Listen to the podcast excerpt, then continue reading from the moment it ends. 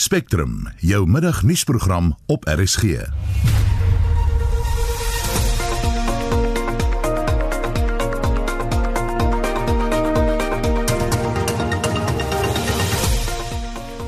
Die program die president se toespraak gisteraand is met gemengde reaksie ontvang. Ons kyk na waarom dit die geval is. 'n Kenner sê die president moet meer inligting gee oor hoe die regering die COVID-19 pandemie bestuur. Iets wat op die oomblik ontbreek is 'n uh, oop debatvoering. As mens kyk wat gebeur in ander lande, dan is die ministers en ook die presidente woorde van die lande uh, die word deur 'n paneel uh, op 'n oop debat gevra oor waarom hulle sekere besluite neem. En die Vryheidsfront Plus wil die geldigheid van die nasionale rampbestuurswet in die hof toets. Die regering gee nie vir ons die inligting waaroor hy beskik om dan 'n besluit te neem nie. Ons wil dit hê.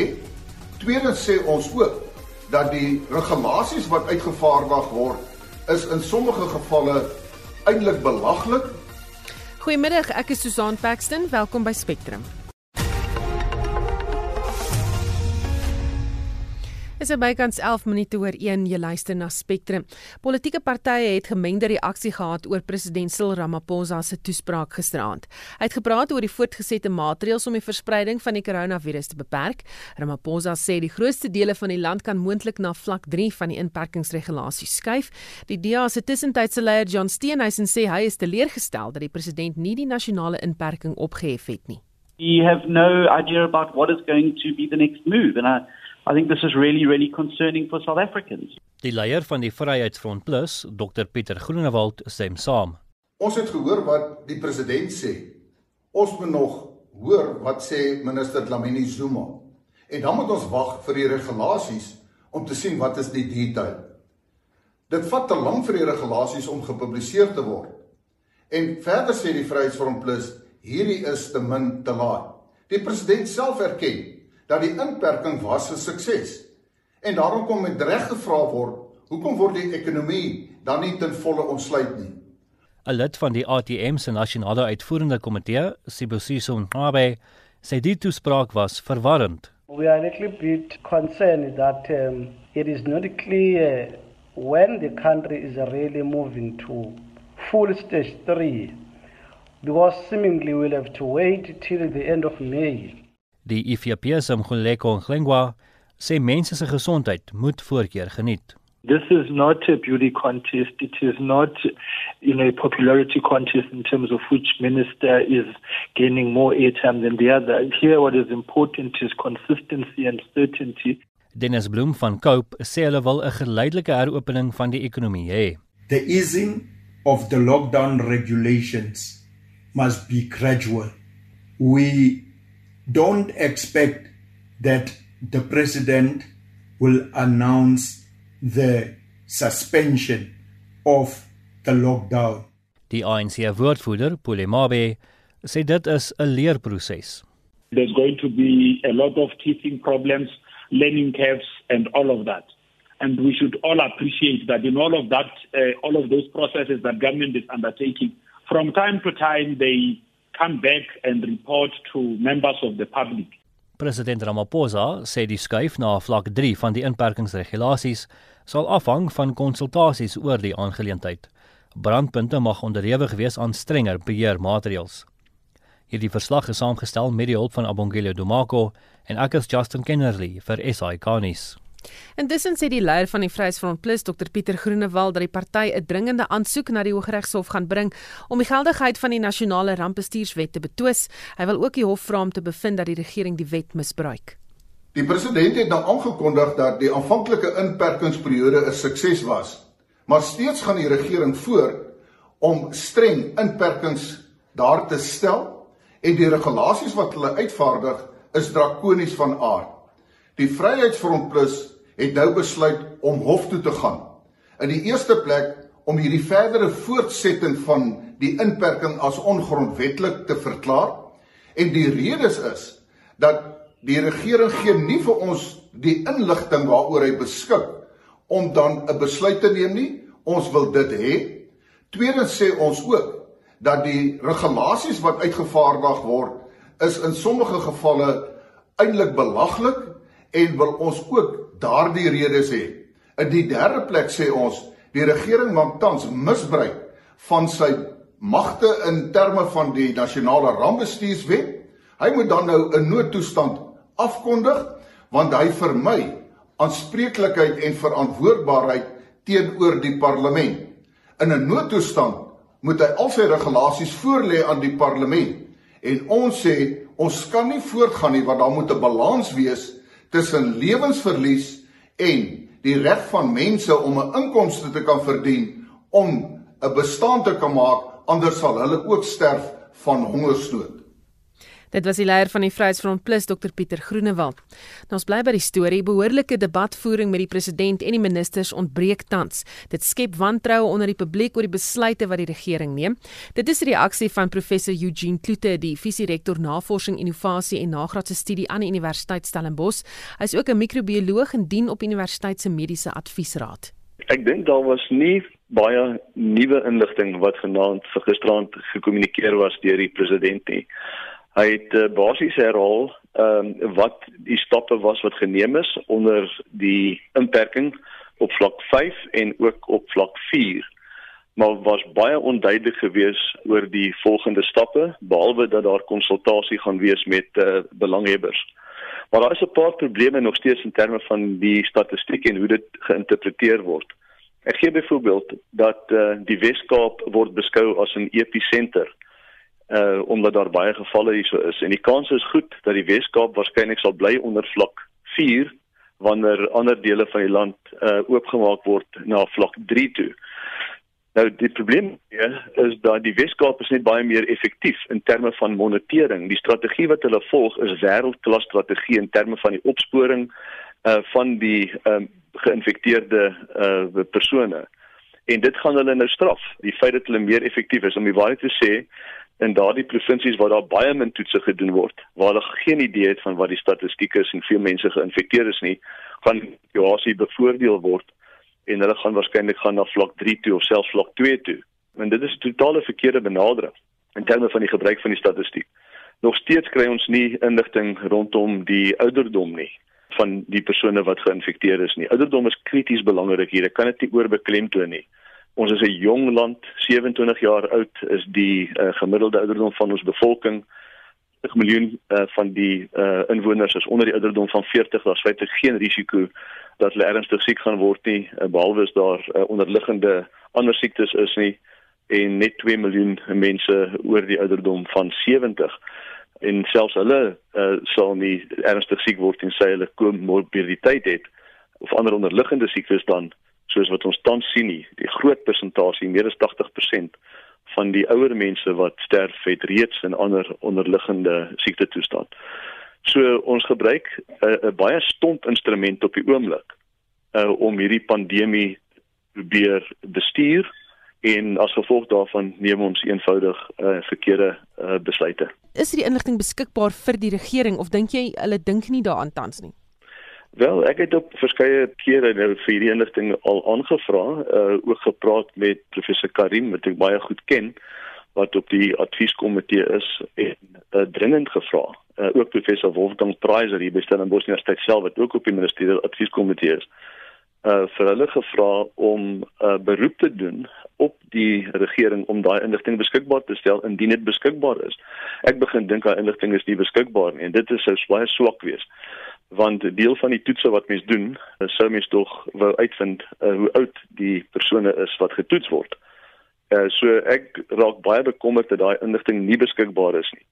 Jy weet van die 30000 uh, min of meer mense wat gesterf het in Italië was daar nie 'n enkele geval van 'n persoon onder die ouderdom van 18 wat gesterf het nie. Nou as mens daai feite neem, dis feitelike wetenskaplike inligting, dan beteken dit die skole en universiteite uh, kan begin uh, oopmaak Uh, en op die oomblik verloor ons daai geleentheid. Ons gaan dalk 'n hele akademiese jaar verloor. Uh want ons werk met verkeerde inligting.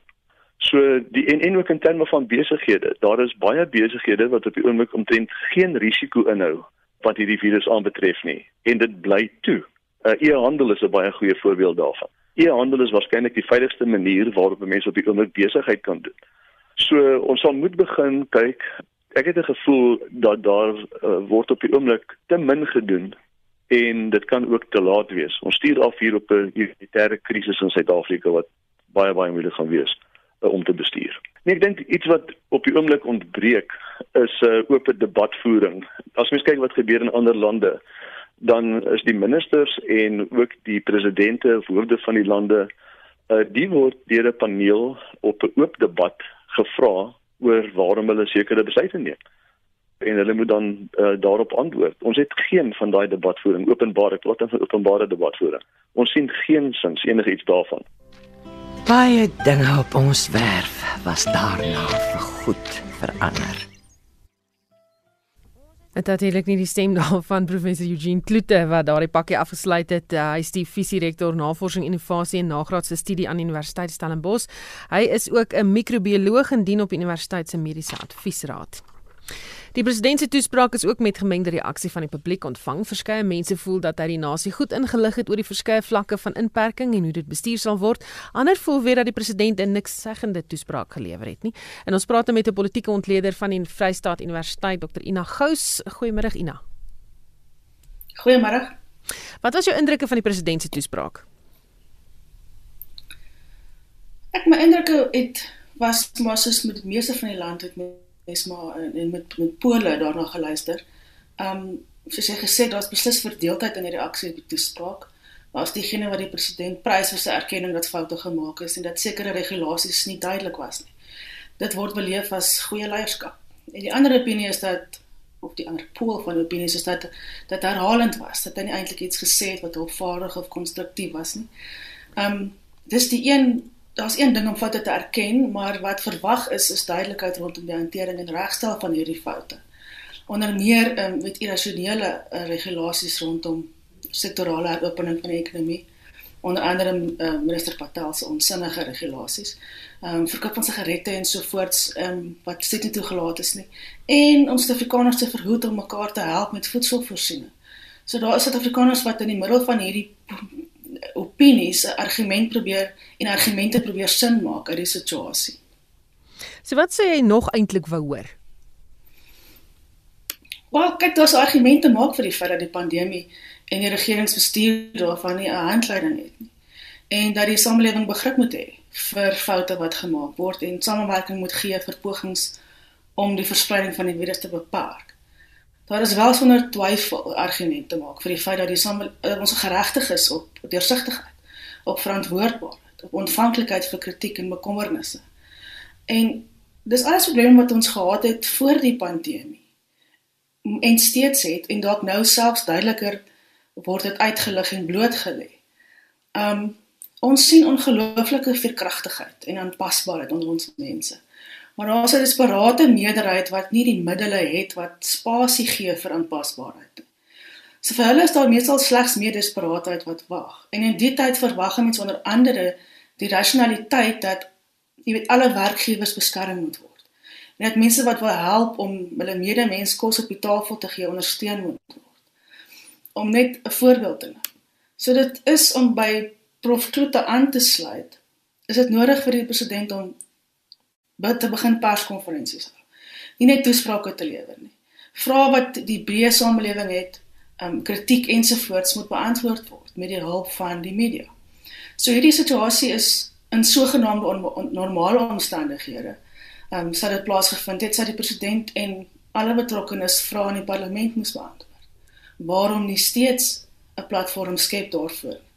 Die nodigheid van hierdie nasionale bevelsraad moet volgens my ernstig heroorweeg word ministeriële klusters moet die integrasie van regeringsbesluite en regulasies behoorlik bewerkstellig. En parlementêre komitees moet toegelaat word om hulle oorsigwerk behoorlik op te neem.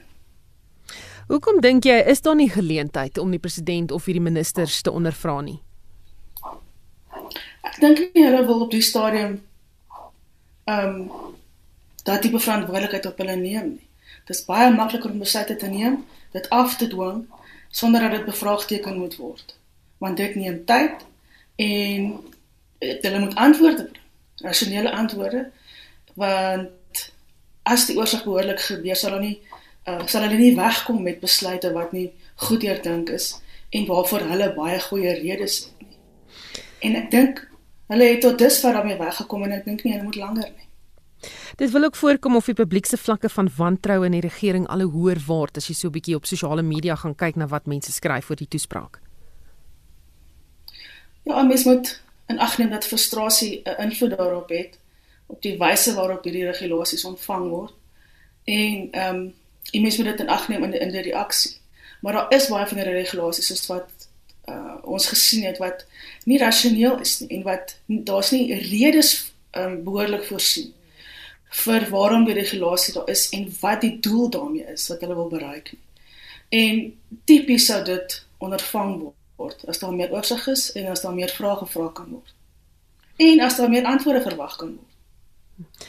Dan is ook vrese dat die vlakke van inperking misbruik sal word om byvoorbeeld 'n provinsie soos die Wes-Kaap wat nie deur die ANC beheer of regeer word nie by te kom. Ja, daar is as ek nog ek, ek is skepties oor daai siening op die stadium. Ek dink ehm um, met verdere onderhandeling met die provinsie en die provinsie se provinsiale regering kan dit dalk ingepak word. Die ehm um, die vlakke en die getalle van van van van van mense wat uh, geïnfekteer is is baie hoog. Maar daar is argumente te maak vir die feit dat daar wyd getoets is en dat daar ook baie mense is wat herstel. Ehm um, wat uh, weet vir mense prentjie gee van hoe die gesondheidsorg oor die algemeen lyk in die provinsie. So meeste van die sogenaamde hotspots gaan onder vergrootglas geplaas word. En ehm um, ek wil eers sien hoe die onderhandeling met met dit met hierdie ehm um, streke gebeur nader aan die einde van die maand. Baie dankie, dit was Dr. Ina Gou se politieke ontleder van Universiteit Vrystaat. Sake eienaars moet hulself tot buitengewone optrede wend om hulle maatskappye se deure oop te hou te midde van die staat van inperking as gevolg van COVID-19. Die Suid-Afrikaanse Kamer van Koophandel en Nywerheid se jongste handelstoestande indeks het met 11 indekspunte gedaal na 26 toe. Dit dui op baie swak handelstoestande um, wat tans heers. Ons praat met die ekonom Richard Downing. Goeiemôre Richard. Goeiemôre Susan. Hoe het die indeks vertoon? Kom ons kyk na daai syfers. Ja, die indeks soos jy sê is eintlik 'n baie swak syfer. Dit is die swakste syfer wat ons het vir hierdie indeks sedert hy in 2000 begin is. Uh wy staan nou op 26 die huidige handelstoestande wat eintlik maar beteken dat jy hier in 'n uh, 74% van jou handel handelaars en klein sake, groot maatskappye wie ook al uiteindelik 'n baie swak siening oor oor handelstoestande op die oomblik. En as 'n mens nou bietjie 6 maande vorentoe kyk wat ons ook vra rondom hierdie uh handelstoestande dan sien ons daai indeks staan ook op 31 ook die laagste nog ooit in terme van wat verwag word. So gaan nie goeie nuus nie en ek dink dit reflekteer maar eintlik wat jy nou gepraat het hierso dat ons eintlik met 'n situasie sit wat ernstige gevolge vir die ekonomie inhou en ongelukkig op die handelsfront het dit begin maar jy redelike voorgeskrewe voorskrifte het van wat mag koop en wat mag nie.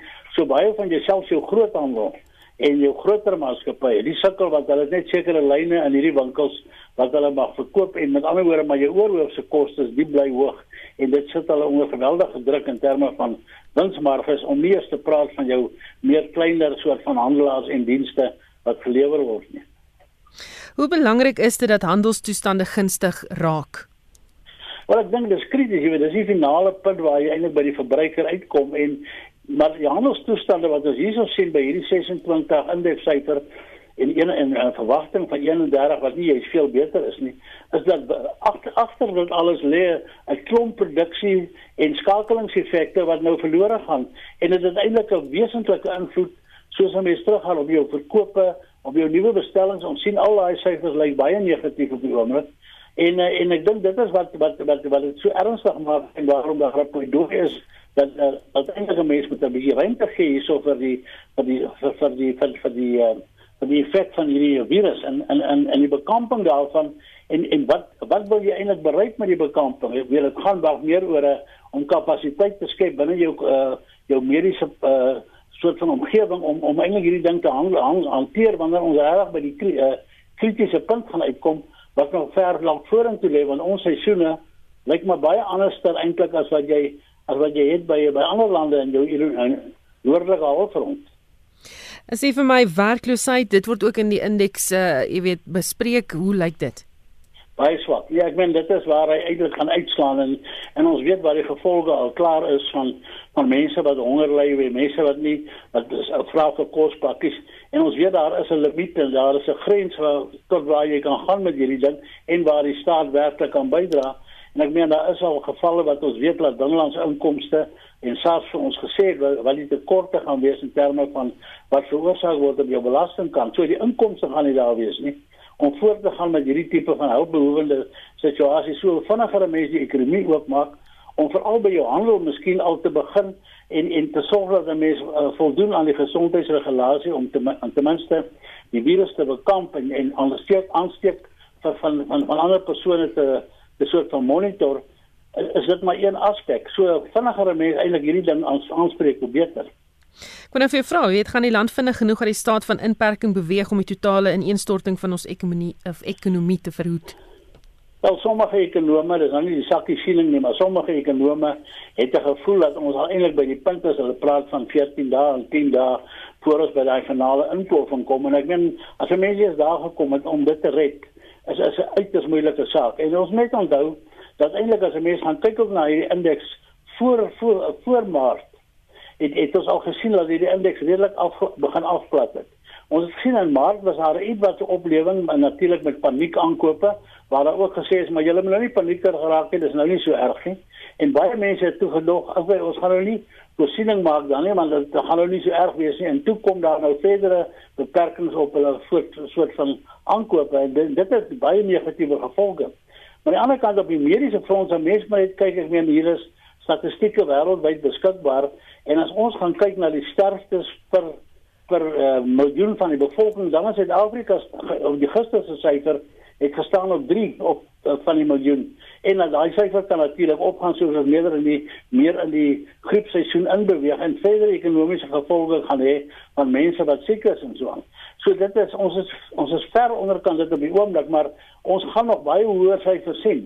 En 'n mens kan nie die inperking aanhou aanhou totdat jy nou na al geen infeksies meer het nie. Ek dink dan gaan jy in elk geval nie eens meer ekonomie hoor nie. So dit dit is waar ons nou nou staan en ek dink ek ek ek dink ekonomiese hoogtepunt het 'n selfe hoogtepunt. So ek verstaan dat uh, dit daar nog al redelik dringende kwessie is om eintlik nou aandag te gee. Dis is nie as 'n um, 'n soort van redenasie rondom dit nie. Die effek is, is wesentlik en Ons net onthou ander lande wat ons probeer navolg in die noordelike halfrond is redelike gevorderde ekonomieë met baie beter fiskale posisies as ons om eintlik probleme aan te spreek.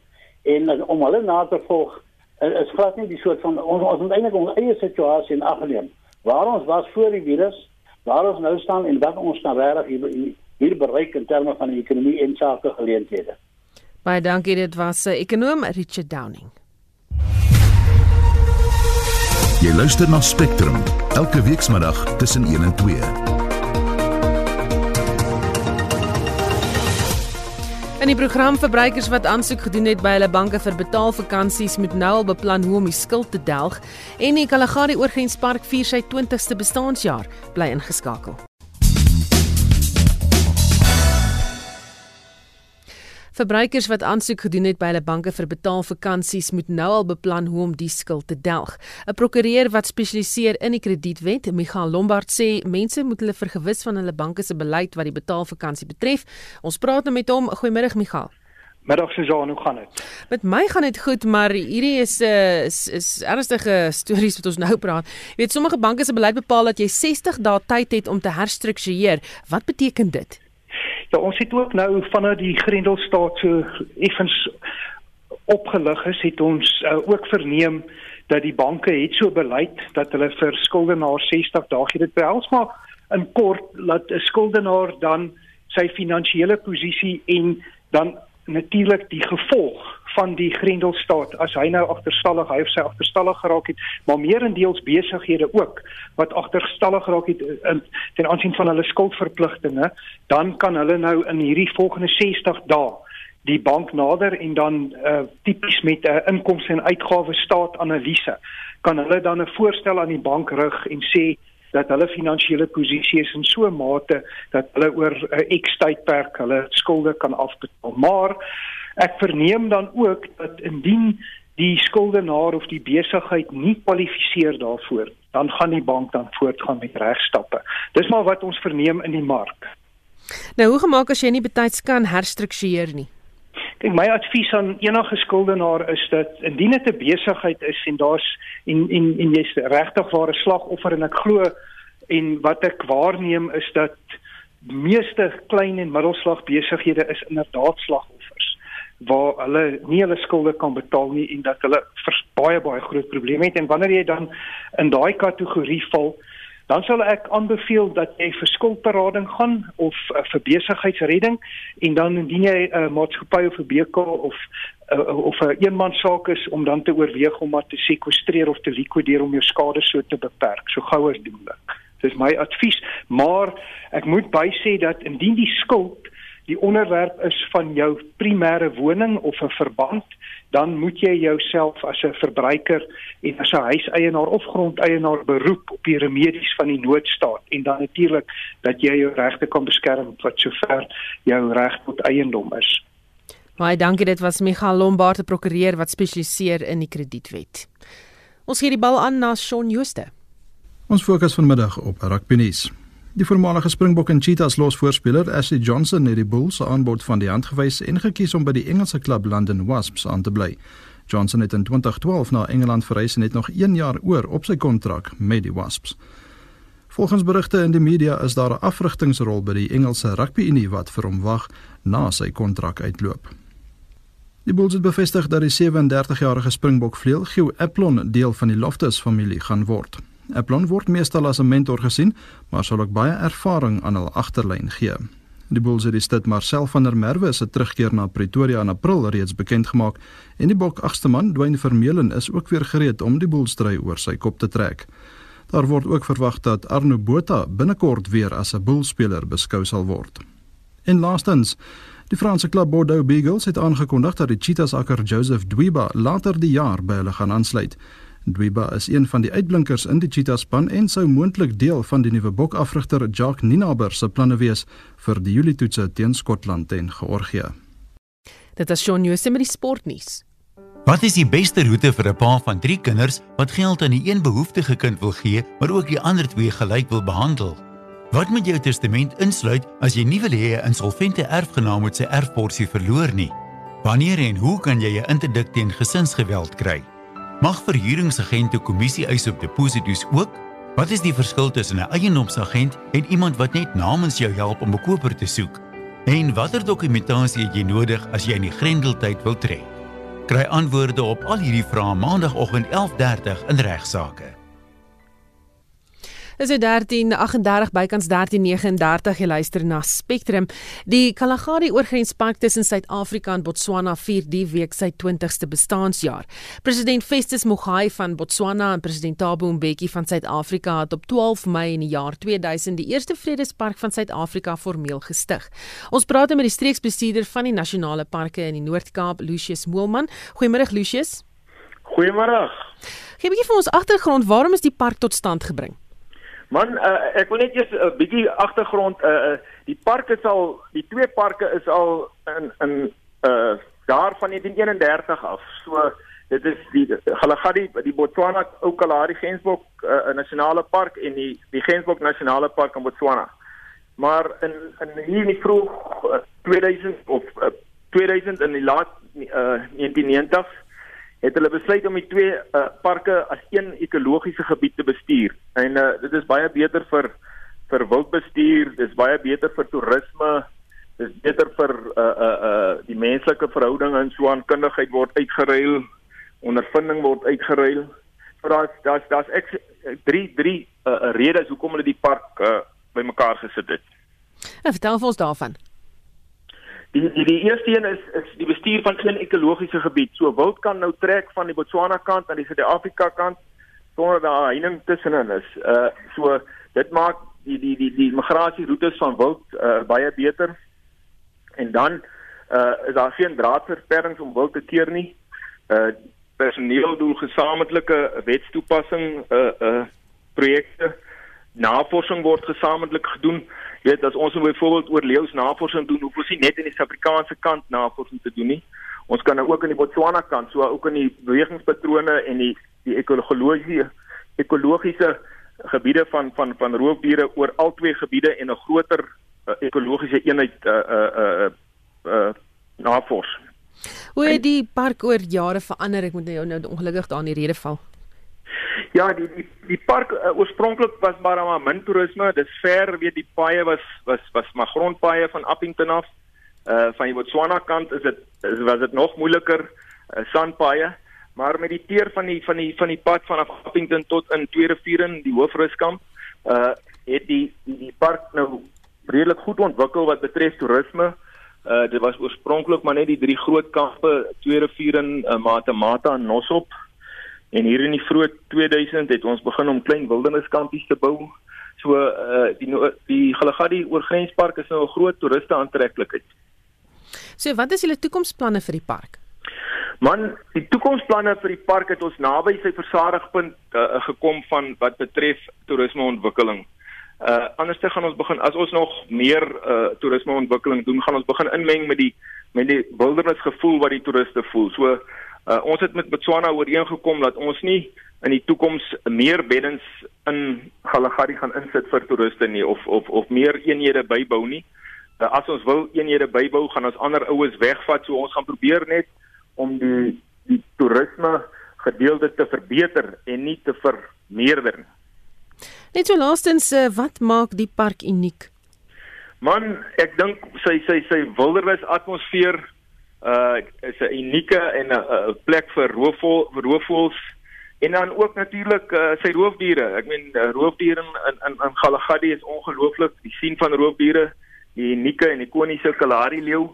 So so dit is maar die die die groot goed uh, uh in die landskap wat wat Galagadi so uniek maak. En wat beteken hierdie park vir die Noord-Kaap uh met betrekking tot toerisme en werkskeping? Nee, toerisme uit 'n toerisme oogpunt is dit die grootste uh, toerisme aantreklikheid in Noord-Kaap en dan ook die grootste uh, werkskepper uit 'n toerisme oogpunt uit. Ek dink dit is maar die koon van die Noord-Kaap. Uh en en dit is dit is hou alle besighede op pad daar konstant in die Noord-Kaap. Ek meen Appington het bordes gastehuise en op pad Galagadi is gastehuise en toerisme toerismeplekke en hulle is almal as gevolg van Galagadi daar. So ek dink Galagadi is maar die hierdie kern van die toerismebedryf in die Noord-Kaap. Baie dankie, dit was Lucius Moelman, die streeksbestuurder van die nasionale parke in die Noord-Kaap. Die Mpumalanga Parke en Toerisme Raad soek steeds na leeu's wat glo in die Laagveld rondloop. Hulle het vermoedelik uit die wildtuin of parke in die gebied gekom. Ons praat nou met 'n veearts van die MPTA, Dr Ferreira Du Plessis. Goeiemôre Ferreira. Goeiemôre Susan. Nou, hoeveel leeu's soek julle? Jong net een. Net een. Waar presies? In die Kiepersol area van Highview is waar hy my meeste gesien is. So dis 'n baie gebied wat ons soek. En weet julle hoe die leeu uitgekom het en van waar die leeu kom? Ja, dit een van die wildtuine of ons weet nie presies waar in die wildtuine uitgekom het, maar ehm uh, daar's nie ander parke in daai gebied wat leeu het nie. En sê vir my, hou die leeu enige gevaar in vir die publiek? Ja, daar's altyd 'n gevaar, maar dit eh uh, leeu is maar skugter in die dag en so aan en ehm uh, oor algemeen skugter vir mense. So ek weet hulle gaan nie nou by mense kom te eet nie, maar obviously hou dit maar 'n gevaar in vir die publiek. En as die publiek die leeu sien, ehm um, wie moet hulle kontak? Hulle kan my kontak. Het ons 'n nommer, 'n e-pos? Ja, my nommer is 082 Mhm. Mm uh 901 3172. Goed, baie dankie. Dit was 'n veearts van die MPTA, Dr Ferreira Du Plessis. Net weer daardie nommer, dis 0829013172 as jy in daardie omgewing is. Dis nou lyk like dit vir my Kiepersol daar in uh, die Laagveld en as jy daardie leeu gewaar of jy kan ook lyk like vir my die polisie kontak as jy hierdie ehm um, leeu dalk gewaar. Die Kaapstad Metro se brandweer en reddingsdienste waarsku dat die winterbrandseisoen op pad is. Hulle vra dat inwoners meer waaksaam moet wees na mate die temperature daal en mense verwarmers, kers en gasstofies gebruik vir hitte. Justin Kennerly berig. 'n Statistiek wat deur die Metro ingesamel is, toon 'n noemenswaardige stygings in alle soorte brande en voorvalle waarop die brandweerdepartement moet reageer. Van Mei tot Augustus verlede jaar het die diens 7954 oproepe ontvang waarop hulle moes reageer. Die burgemeester se lid vir veiligheid, JP Smith, sê almal moet hulle deel doen om brande te verhoed. Syfers toon 'n geleidelike toename in alle brande en insidente waarop gereageer word. Ons het sopas 'n hartverskeurende somer vanaf November tot Maart agter die rug waarin 91 mense in brande gesterf het. Terwyl die brand- en reddingsdiens gereed is vir duisende oproepe, kan ons dit nie alleen doen nie. Inwoners moet ekstra versigtig wees en elke poging moet aangewend word om hulle self en hulle eiendom te beskerm. Ons brandbestryders werk nou saam met gemeenskappe om brande en ongelukke te voorkom. Daar is altyd die gevaar van brand, maar voorkoming is ons almal se verantwoordelikheid. Geen vuur begin sonder die inmenging van 'n persoon nie en ons moet verseker maak dat daar geen nalatige behandeling is van vure wat kan lei tot die verlies van eiendom of lewens nie. Die metro sê jy moet altyd oop vlamme of verhittingsapparate dophou. Hou kinders en troeteldiere weg van verwarmers en vuuraansteekers. Moenie oop vure sonder toesig laat nie. Maak seker dat daar geen onwettige elektriese aansluitings in jou huis is nie en hou die omgewing rondom jou huis skoon van materiale wat 'n brand kan veroorsaak of versprei. Ek is Justin Kennedy vir SAK nuus. Die Weskaapse premier Allan Windey vra dat die provinsie na vlak 3 van inperkings geskuif word, dit terwyl die provinsie sover die meeste COVID-19 gevalle in die land het. Intussen sê die burgemeesterskomitee lid vir ekonomiese geleenthede en batebestuur James Foss, hy het inligting ontvang dat die toerisme sektor eers oor 5 maande gaan heropen en ons praat nou met hom. Goeiemôre James. Goeiemôre Susan. Vertel ons 'n bietjie van hierdie inligting, waar het jy dit gekry? Wel, dit was uh, genoem by 'n uh, uh, inligtingssessie waar kollegas van my teenwoordig was en beslis die inligting met ons gedeel het en ons het gekyk na dit en daarna het ons aan die minister geskryf om duidelikheid te kry oor wanneer toerisme dan op plaaslike en streeks vlak toegelaat sal word.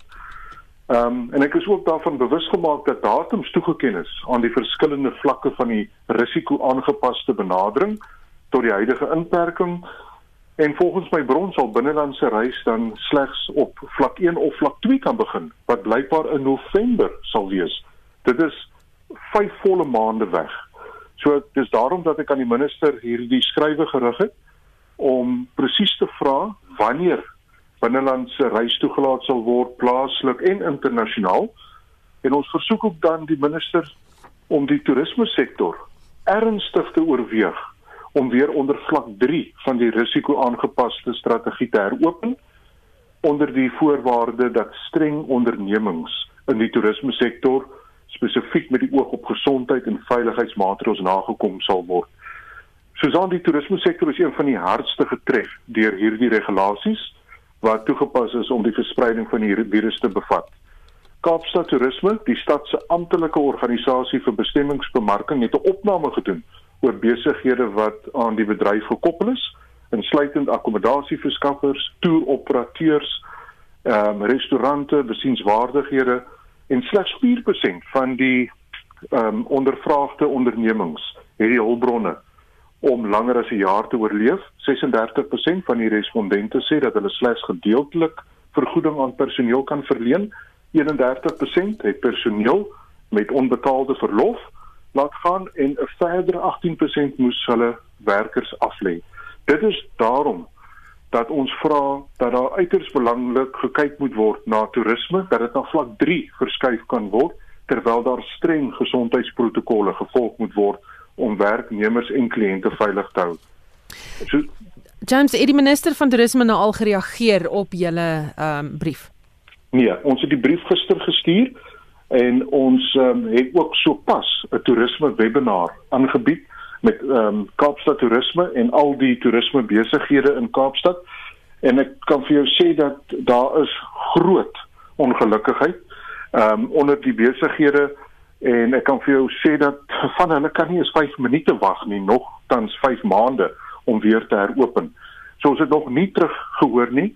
Ons gaan ook beslis van Kaapstad Toerisme uh, 'n poging aanwend om soveel as moontlik van die toerisme sektore te kry om ook direk met nasionaal te skakel uh, want as die sektor nie heropen word nie sal biljoene verlore gaan en duisende mense hul werk verloor nie net in toerisme nie maar ook daai sektore wat die industrie ondersteun soos voedsel en drank, akkommodasie, vervoer.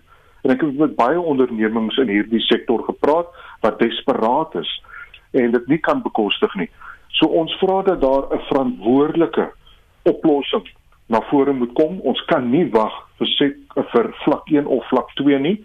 Ons moet nou kyk na 'n manier om veiligheid en gesondheidsprotokolle in te in te bring in die ehm um, ondernemings en dat ons dan van daardie besighede die geleentheid kan bied om terug te keer na werk. Ons sal moet dit doen anders dan gaan ons 'n groot krisis hê want toerisme is die leeflyn van ons ekonomie in Kaapstad en in baie ander plekke in die land. James as uh, daar besluit word dat uh, die uh, jy weet die Weskaap weer teruggegradeer word na vlak 5 het jy 'n plan? Wel, ek kan nie namens die Weskaap regering praat nie, maar in stad Kaapstad is my departement hard aan die werk om te kyk na sekere protokolle wat spesifiek sal fokus op sektorondersteuning want baie van die sektore in Kaapstad soos byvoorbeeld die klere vervaardigers, uh, voedsel um, en agri prosesering um, en baie van hierdie tipe industrieë het ons nou gehelp om essensieel um, verklaar te word sodat daai sektore kan aangaan.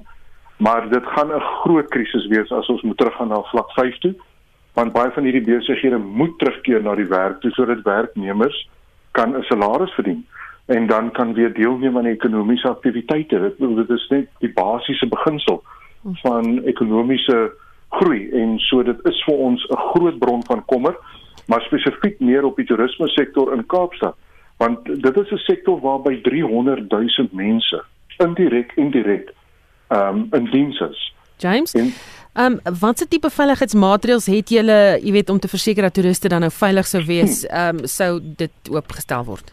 Dis 'n baie goeie vraag en Susan ek het in die laaste paar weke baie besighede gaan besoek, nou nie direk in die toerismebedryf nie, maar in die sektore van voedselverwerking en vervaardiging ensovoorts.